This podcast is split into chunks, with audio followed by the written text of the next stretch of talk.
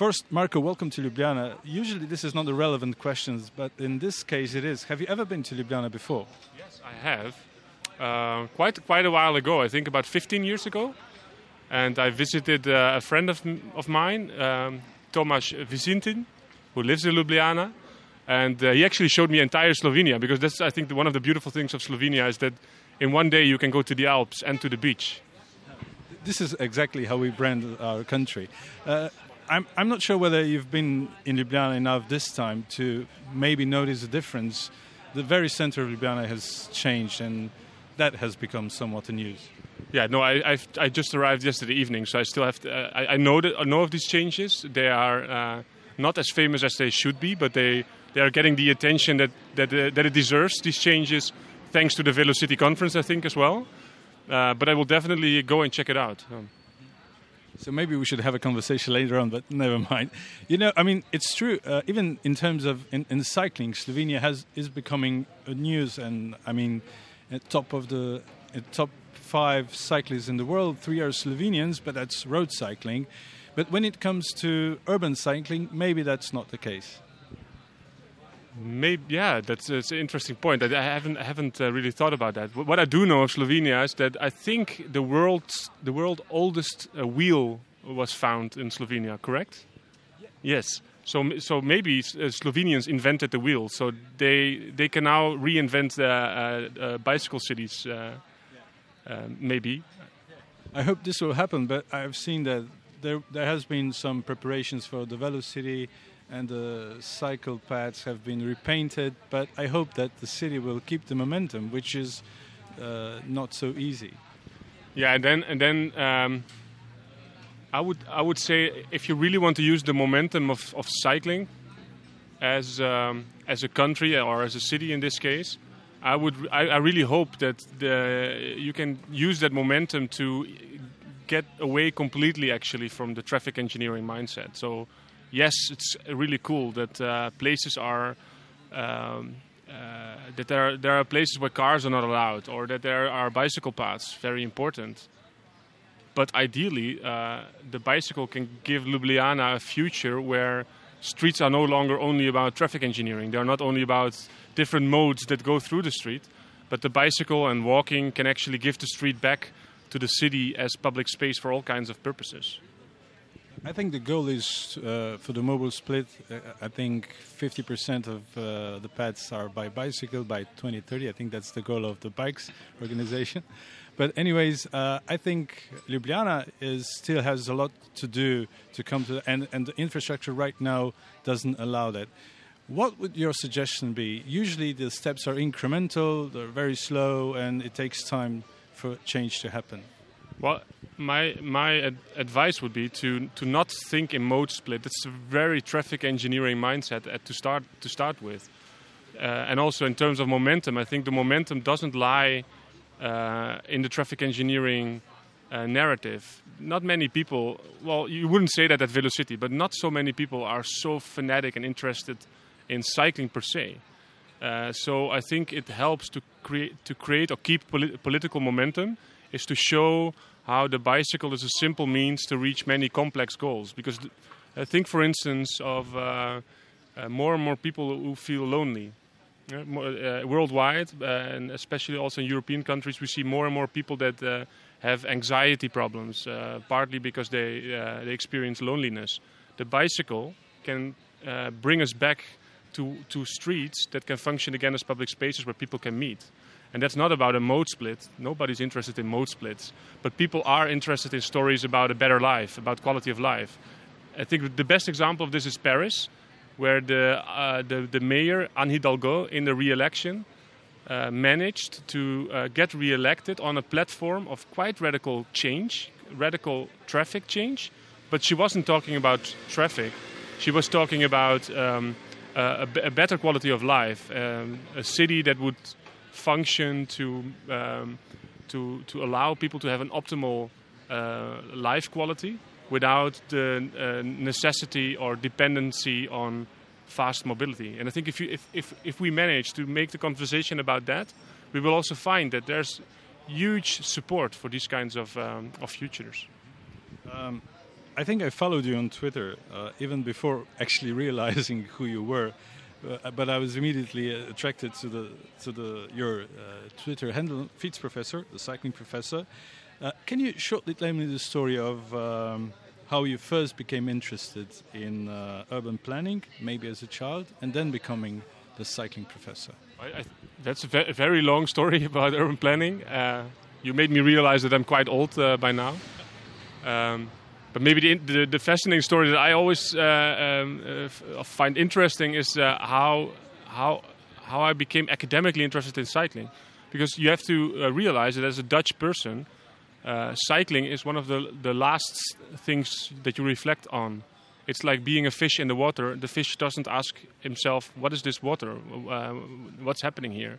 It's just something you accept. And in the Netherlands, the bicycle is so normal and part of normal life that you don't question it. So um, at first there were, uh, or at least I thought that there were no Dutch academics that were doing research on cycling. So I became more and more aware, mainly because of foreign um, delegations that came to Amsterdam. I was working at the University of Amsterdam at the time. And they started to ask questions about cycling infrastructure, and if there would, if there, if there would be anybody who could help them understand how they could also do that in their home country, and that started to trigger me to think about why do we know so little? Why do we? Uh, why are we not really able to tell this story on a professional level to these people? Um, and um, that's basically where my uh, academic interest started. Well, at the t- at the time, that's a very long story. I also uh, had my own bicycle shop, so I was an academic at the University of Amsterdam, but I had my own bicycle shop, really close by in Munich, and I was selling cargo bikes in Munich as a way to sort of do my bit and to make another city a bit more human friendly. Um, and I was doing very abstract research at the time. But cycling became more interesting because of these foreign delegations. Also, in research, there was a lot of money flowing around the research on sustainable mobility in the Netherlands, but n- not a single euro was invested on understanding cycling. So, these, these, all these things came together uh, and basically targeted me from the outside as oh, uh, you are this uh, academic you have this connection with the cycling shop. Um, you, you, you should help us to do this research. And then, uh, basically, as a response, I called myself bicycle professor, and that uh, and the rest is history. Yeah. You you had a bicycle shop in Munich. Yeah, so I was uh, at a certain point I was a bit disappointed. So I'm an academic, but I actually want to change the world. That and then it's not the best place to be in academia because we have to write papers, we have to to get funding uh, all the time. So you're basically distracted from changing the world, which is a bit sad because I think we all uh, also have a drive to, to make the world a, a better place. So I decided to, uh, uh, somewhere in between two, two jobs in academia, I decided to, to see if I could also uh, do my bit in a very different way. Um, and that in, in a, a month, two months' time, I started to explore what this could be. And this sort of materialized into a, a shop of cargo bikes uh, of a Dutch brand. So I was basically the distributor of uh, cargo bikes before they became a hype in Germany, sadly, and um, uh, and sold about I think 200 cargo bikes. So that still makes me proud. I I, uh, I did my bit in 200 families in Munich. Uh, are no longer transporting the children in SUVs, but they are transporting the children in cargo bikes. Th- that makes me more proud than uh, um, an article that's cited a lot of times. Yeah. What was the name of the shop? Uh, Fietsfabriek, yeah, bicycle factory. Um, and it's still around these days, but it sort of lost its uh, its magic. It was a Turkish um, entrepreneur who came to the Netherlands in the early 2000s and basically reinvented the cargo bike there. Because the cargo bike, of course, we know from from uh, history, it was used a lot by the working class. But he sort of reinvented it as a uh, and showed that you could transport your children in it, and rapidly became sort of a, a we call it in, in, social science a gentrifier. So that the cargo bike became sort of part of an um, urban elite that that showed off by not showing off. It's a very specific Dutch thing. It's called um, conspicuous non-consumption. So instead of showing off with a fancy uh, car, in the Netherlands you actually show off by showing that you're normal. And uh, so even the king and queen, they know this. Every year they, they do a photo shoot on bikes because they know that uh, it is actually it works in your um, in your favor to show that you are normal, that you are not uh, in any way seeing yourself as being um, richer or more important than anybody else. So this is an important tip for any bicycle mayor around the world as well. So be normal, stay normal, and uh, uh, and use the bicycle as a as a way to do that, to express that. I wonder though, was Munich ready for cargo bikes? Because infrastructure usually sometimes doesn't allow it. I mean, I wouldn't use, I would hardly use it from to bike to where I live. It's it's got some challenges. But how was Munich? Well, interesting question how change happens, right? So I think in most cases, even in the Netherlands, um, the infrastructure wasn't ready. Uh, but first, you need to, you need uh, criti- a critical mass. You, you, need to show politicians that people want to bike, uh, and ideally in a, in a in a fast way, so you don't have this long transition period where people are only cycling that are daredevils and putting themselves in danger. Um, but uh, in Munich at the time, they were. Uh, I was sort of part of a larger movement that was called Radl Hauptstadt, bicycle capital. They called themselves the bicycle capital. A huge marketing team uh, was on it, uh, and they also said that we know that we are not the bicycle capital. We know, in, even in Germany, Münster is doing much better, and, and even ha- Hamburg and Berlin are doing better. But we just call ourselves this way, and then uh, it will it will convince people to cycle more. So, in a way, I think, and it's about 10, 15 years ago some seeds were planted, and uh, Munich is also slowly but steadily. Munich is now one of the three um, cycling capitals in the European Handshake project, for instance. So we have now Copenhagen, Amsterdam, and Munich. So somehow Munich is sort of getting there um, uh, and moving up uh, rapidly. Not not only because of my cargo bikes, of course, but I, I, always think that all these things uh, matter. That if you want change to happen, it's not only about politicians. It's also about entrepreneurs that come with new ideas, uh, families that suddenly start to understand that you can actually uh, use the bicycle to go to the park, uh, and and that you and that you then actually can have a nice experience with your children instead of transporting them in the back of the car. And if if you show this. Um, it's a great uh, YouTube video I showed to everybody, uh, uh, if, if, possible. It's called "How to How to Start a Movement." It's also known as the the, the shirtless dancing guy, and it shows in two and a half minutes one guy starts dancing, and then at first everybody's looking at him like, "What is this crazy guy doing?" and then uh, uh, some first people start to join in. And this, this, very importantly, this, the first dancer starts to celebrate these first followers. So he really starts to recognize them and dance with them, and then uh, then sort of magic happens. Uh, suddenly, the entire crowd sort of joins in. Everybody starts, and, and, and then you have halfway. You have this point of if you're not in, you're really a loser. So uh, uh, people start to flock, and everybody starts to dance. So I think that change happens with first shirtless dancing guys that at first people think are really strange, but then if th- that person can find first followers and you can find them sometimes in the entrepreneurial world, sometimes in the policy world, maybe sometimes in a, in a specific street in the city. Uh, start dancing, start showing that you are that you that, that, it's fun to dance, and and celebrate the first followers. I think that's, and then you can really see that a tipping point for a city um, can follow really rapidly. This reminded me of uh, the mayor of Ljubljana keeps saying that Ljubljana is the most beautiful city in the world, and now I have a different view of that it may not be, but then it may become because of that. Um, I took a lot of notes from the movement. Uh, can you elaborate a little bit on what your colleague Thalia Verkade wrote? That the social scientists have a different way of looking at the city. They see not a collection of buildings and roads, but a group of people. Yeah, I think that. that also take those great. No, I think it's. Um, uh, it's an interesting uh, reflection indeed on uh, how our thinking of traffic and streets has become somehow uh, over the last decades a very technical exercise for many. They see it as something technical that experts, uh, engineers make, as they make many other systems. Um, and we have started to take that for granted. And when Thalia and I met, she found out that you can actually ask a lot of questions. Uh, and you can sort of, uh, that's I think one of the uh, strengths of most social sciences is they are able and, and willing to uh, to switch perspectives. While engineering basically looks at the world as a physical thing that you can make, and looks at also as, as the street as a physical um, challenge, where of course humans are also on there, but often very simplified. Uh, social scientists, almost by default, and I would actually say humans in general, uh, look at um, at cities, at at uh, spaces, um, and see much more the human element there, and then from there also the complexity of it. Right. So humans are are not uh, easy to simplify. They're very complex, uh, very different uh, perspectives you can use to to understand them.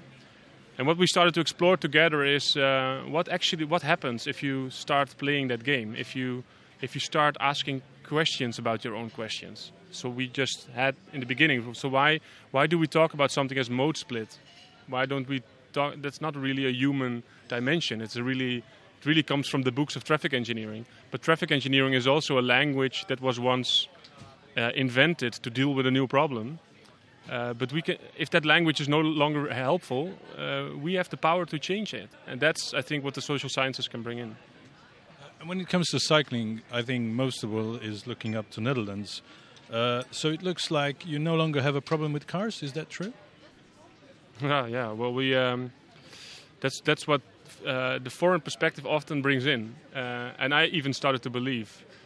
Um, so how do you explain? So I think we went through uh, a, quite a radical movement, hence the title of the book, in the 70s, when we were following the same tra- trajectory as most cities around the world, uh, becoming more uh, a, ca- a, real car city, car cities, a car country, um, seeing the car as the way forward, as the, the modern uh, city. But in the 70s, due to a perfect storm of all kinds of developments, um, people started to resist, and especially in Amsterdam, and especially in one neighborhood they resisted and um, and they used traffic as a symbol, but it was also about quality of life, about safety of children, all, uh, um, affordable housing. All these things came together, but the, somehow the bicycle was a very strong symbol in that movement.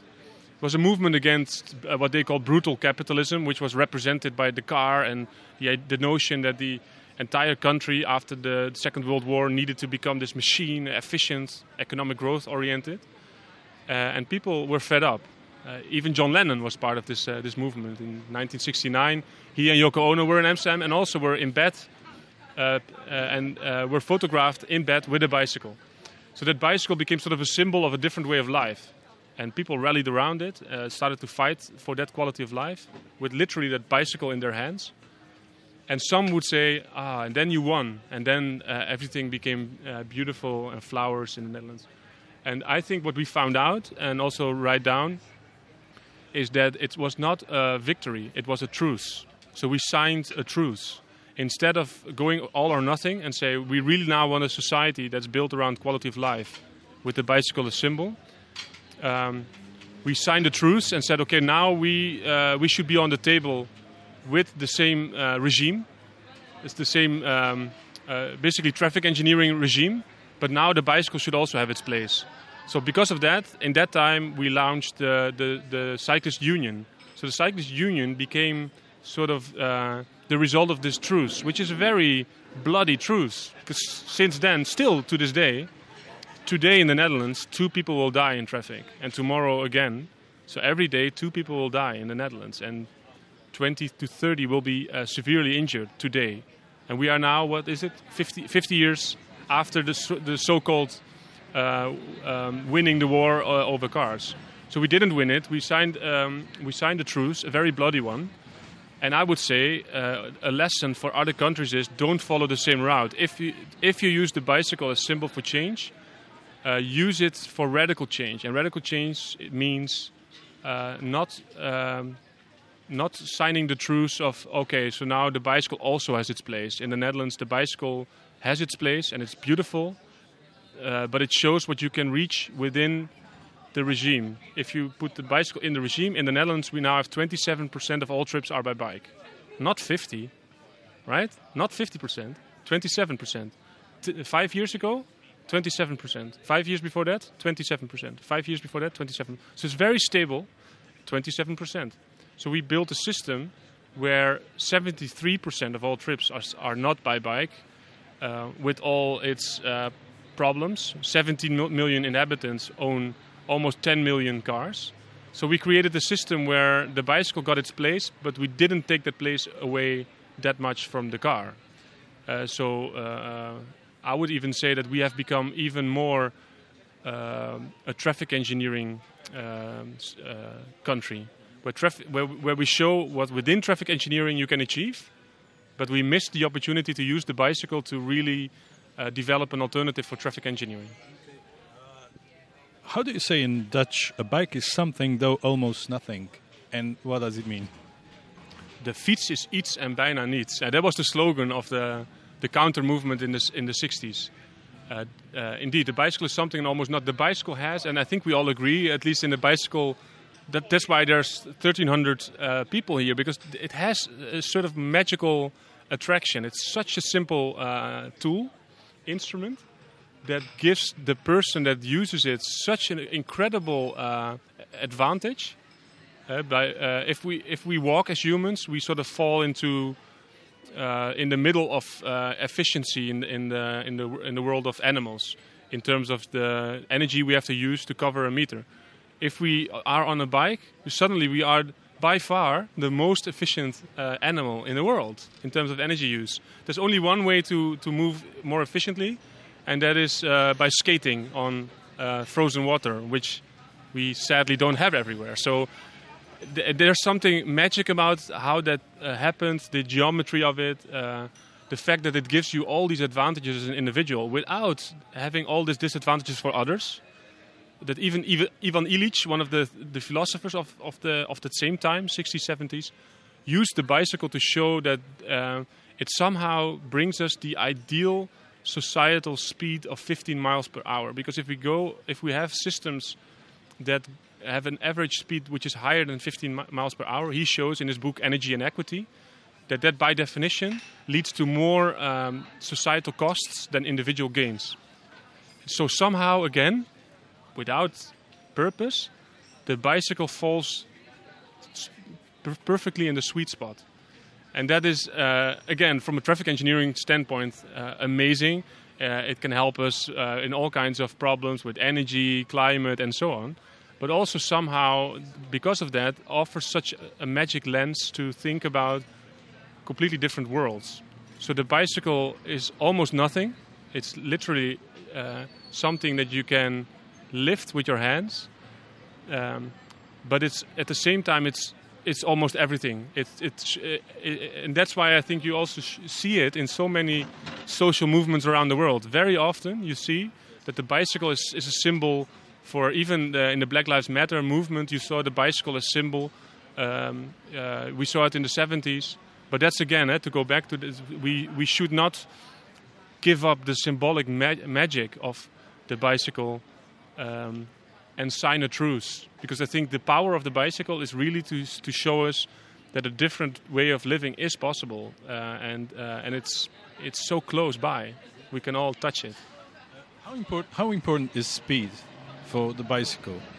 Um, we, I mean, even I used to say that uh, why I bike is also because um, in Ljubljana most of my roads are fastest by bike, but then I also learned that this is really not the, the key point of traveling. Others are. Well, it could be. Um, but I think that's one of the things we show. The, the, the, frame that we use to think about mobility is not um, it's it's not a value-free, objective description of reality. It's a frame that you have learned over time.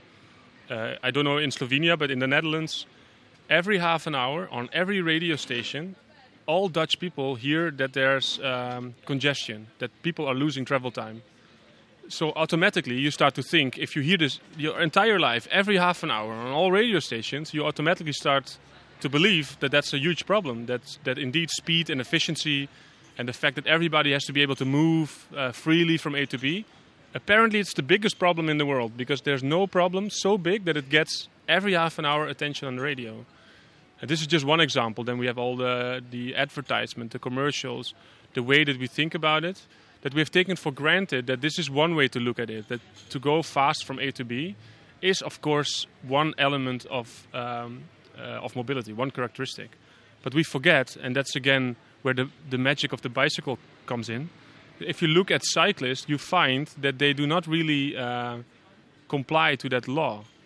we we find in research time and time again that the theories we use for transport do not readily apply to cyclists. And the, the, the go-to reflex is then to see, okay, how can we get cyclists into that frame? So, for instance, in Amsterdam, we find that cyclists do not take the shortest route. Uh, and they also do not, uh, we cannot really find characteristics that explain why they use different routes. So we find basically that it's very disaggregated. Some people really like uh, separated bicycle paths. Other people apparently really like to have the entire streets for themselves. Other people like to ride with traffic. Some people like parks. Other people like uh, busy streets. Um, and what you then find if you look at those cyclists, instead of saying, okay, let's let's slap on our frameworks of speed and efficiency to understand them, you could also say, okay, but what new languages and narratives can you get if you if you use a beginner's mind, a beginner's view, to look at the cyclists what are they doing? And then you find, for instance, in the Netherlands, that uh, why are cyclists sitting upright? If speed and efficiency is so important, this is not how you're going to win the Tour de France uh, by sitting upright on your bike. It's very, uh, in terms of uh, aerodynamics, it's very bad. So there must be other reasons. Or should we teach all cyclists to now uh, uh, drop in the handlebars and, and speed? Um, so what we what we tend to do at the Urban Cycling Institute is look at such specific things and then start to uh, develop theories and concepts around okay what does this teach us about cycling and so one explanation is you sit upright because it allows you easier to uh, exchange information with all your senses with other people in your environment. Oh, wait a minute. So maybe cycling is then not only about speed but also about interaction with your environment. And the fact that you actually want to see, you want to feel the wind in your face, uh, you want to see other people, you want to negotiate with them. The, the language of speed and efficiency uh, makes us think about other people as conflicts like in traffic engineering, literally, uh, uh, if two individuals meet, uh, it's considered a conflict. But if you look at these cyclists that are exchanging all this information, maybe uh, meeting each other is negotiation or friction that actually uh, also brings uh, value and benefits. So this shows us that the bicycle can help us to develop new narratives, and with those new narratives, I think uh, try to better understand um, all the costs that the current mobility system has on us. Again, uh, as an example, uh, the fact that many people in many parts of the world now travel uh, efficiently um, from A to B, but in their own cocoon as uh, lonely individuals, uh, having a miserable experience often experiencing congestion in an, in an environment that's not really beautiful, uh, I would say, personally, the highway. Um, maybe we have been underestimating the costs of that, the, the, the mental health problems that this might lead to. And again, the bicycle could help us to better understand that and to ask different questions so that our, in, a, in the next round of academic research, we expand our surveys and we don't ask people only about, hey, how, how do you want to go from A to B as fast as possible? How fast do you want to go? We can also ask questions about uh, um, uh, do you want to enjoy uh, your trip more? And what makes enjoy? In what moments are you creative, for instance? And we found that uh, many Dutch artists have uh, have their most creative moments on on the bike. So maybe uh, that's something that we want to invest uh, policy finances in instead of moving people faster from A to B. Um, allowing people to have more creative moments while underway. Well, I work at the public radio station, and obviously, we do also uh, play traffic news every half an hour, but that's also because radio is so strong in the car. Do you have any advice? Should we. Yeah, stop doing that. I think it makes no sense whatsoever. Everybody. So back in the days, I think it made sense. Uh, but everybody has devices. If, if, you, if you're in a car and you want to know where the congestion is, you have much better devices than listening to the radio every half an hour uh, because there's so much um, irrelevant information. If you're a drive somewhere, you don't need to know that there's congestion at the other side of the country. It's not relevant for you. Uh, it's an individual thing that also um, a minority of people experience, not a majority. Like it's in the Netherlands, around 15% of people experience congestion regularly. So 85% never experiences it, or at least not regularly. So it's not relevant for them. Uh, so target your radio time, which is um, uh, valuable uh, time, targeted to, towards the majorities. Um, and one one uh, project that we started was let's. Uh, I, I, forgot the exact count, but maybe that's something for you to do. How many minutes uh, in a week do you spend on this? Every half an hour, one minute or so, so two minutes an hour. Now you can count count it upwards. So can, let's not do that anymore, but let's instead on Friday afternoon spend that time in one go. Maybe it's an hour, so, probably somewhere around around that, and talk in that hour about the people that lost their lives in that week, and and really uh, honor them and, and speak about them, who they were, uh, um, who they leave behind. I think if we do that, um, I I really bet uh, a bottle of ch- champagne that within a year the political awareness and um, a sense of urgency is so big that we will solve that problem.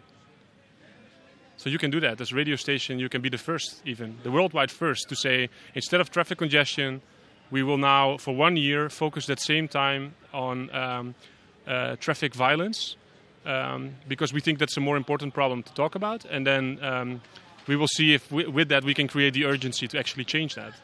And again, you will find probably that most people agree on that. Most people find uh, traffic violence a much more important problem than the fact that some people have to wait for a couple of minutes somewhere on, on the highway system.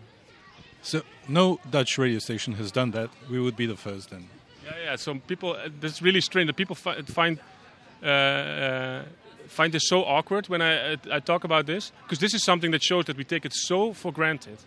Because it, even during Corona, uh, when there was no congestion, we still talked one minute every half an hour about the fact that there was no congestion. This is how, how taken for granted it is. And basically, it's an advertisement space, free advertisement space for the car industry uh, so the, and, and, and the lobby for more roads. Because basically, that's the hidden message, right? People have to wait somewhere, they lose travel time. Empirically, we know that that doesn't exist. People have a fixed travel time budget, so it does. It also, from that perspective, it doesn't make sense to focus on this. Uh, but it's it's apparently so awkward to realize this that uh, it's easier for most people to uh, because when I tell this at radio stations, I think I've never met somebody who disagrees, but it still doesn't happen because it's maybe it feels like sort of a, a, a loss of face, like oh we have been doing this for years, oops. Uh, I don't know what, what, what but I, I really hope that one day one radio station will do this, maybe as an art project, but maybe that helps, right? To sort of get out of this um, this, this discussion because what, one other response often is, "Oh, uh, but you are you are now framing things. You're framing things." And then my uh, rebuttal always is the same: is yes, but the point that I want to make is that you are framing things as well. Like uh, every half an hour spending time on uh, traffic congestion is also part of a frame that you are reinforcing all the time. So please reflect on that. Yes. And if you reflect on that uh, every year or so, uh, I, I'm, I no doubt that this, this will lead to different choices. Uh, you used uh, an interesting word, traffic violence. Traffic violence. Is that another word of saying traffic accidents?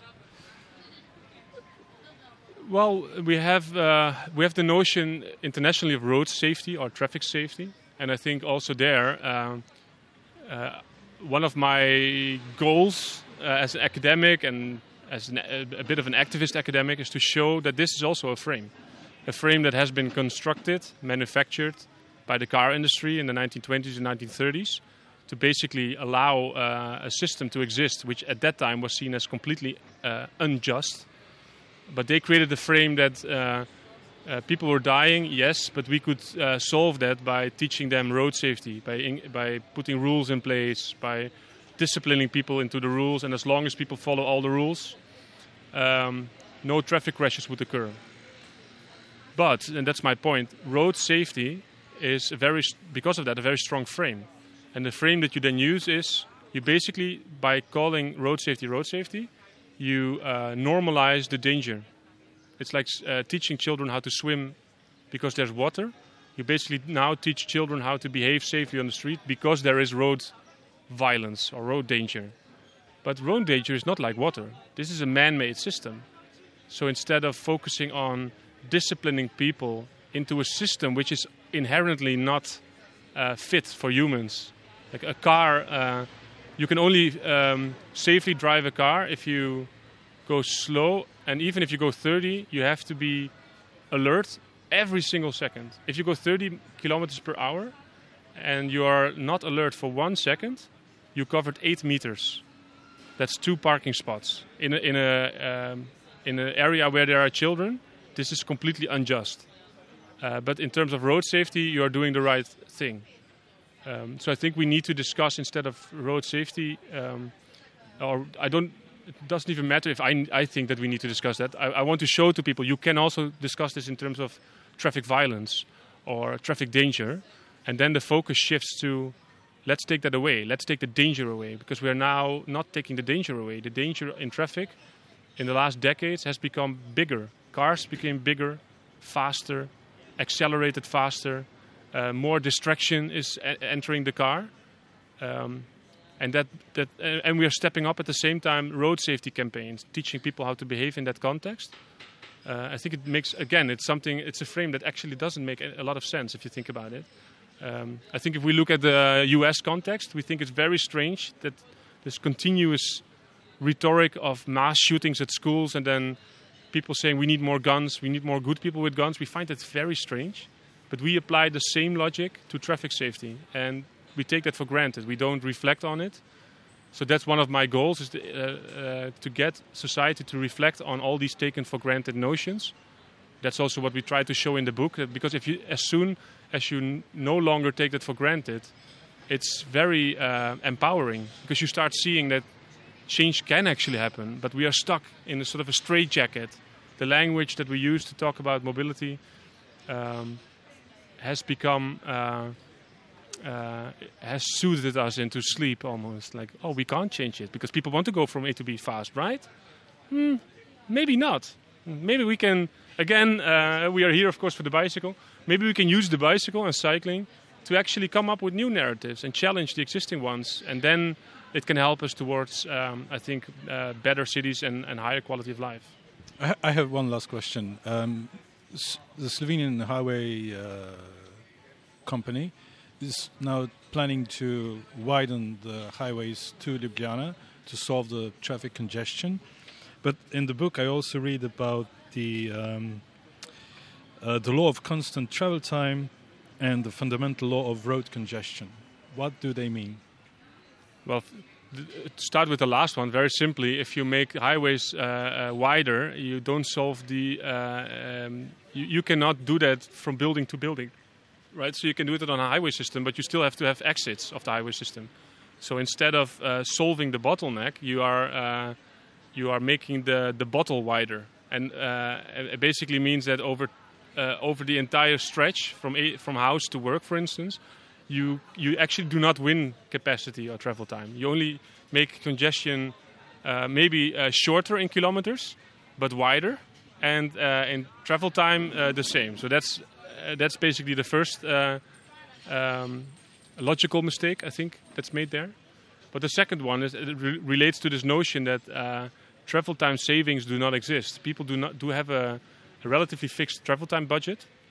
That's what we empirically find. But traffic engineering assumes that traffic travel time is actually uh, dynamic and that the spatial system is fixed.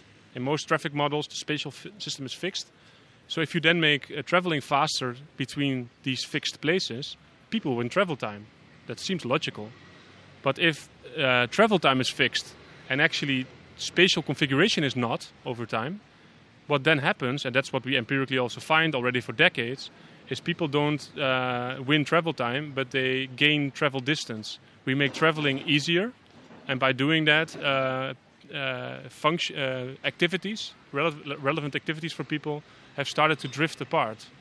It's quite funny because uh, the um, the metaphor that is used to build transportation models, especially in the 70s, but is still used to this day. So traffic engineers will uh, recognize this. They are called gravitational models, and the, the, the notion is that you can model cities just like planets, and if they're closer to each other in travel times, if you bring them closer to each other, there's more interaction, there's more gravitational pull.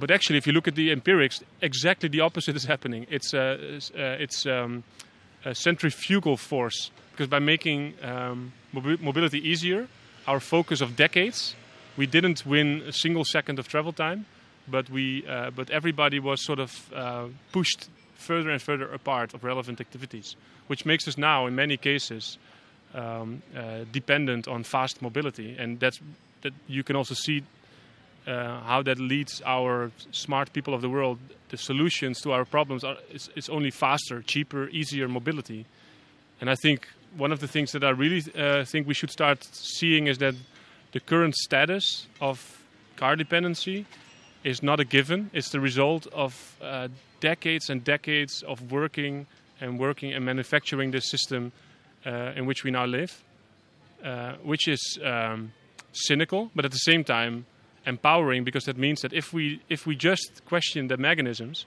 and we start changing them, we can at least work towards a system uh, with different characteristics. The best time to do that is 70 years ago. The second best time to do that is today. And now back to the traffic news. Marco, thanks a lot for, for your time. Yeah, yeah no worries.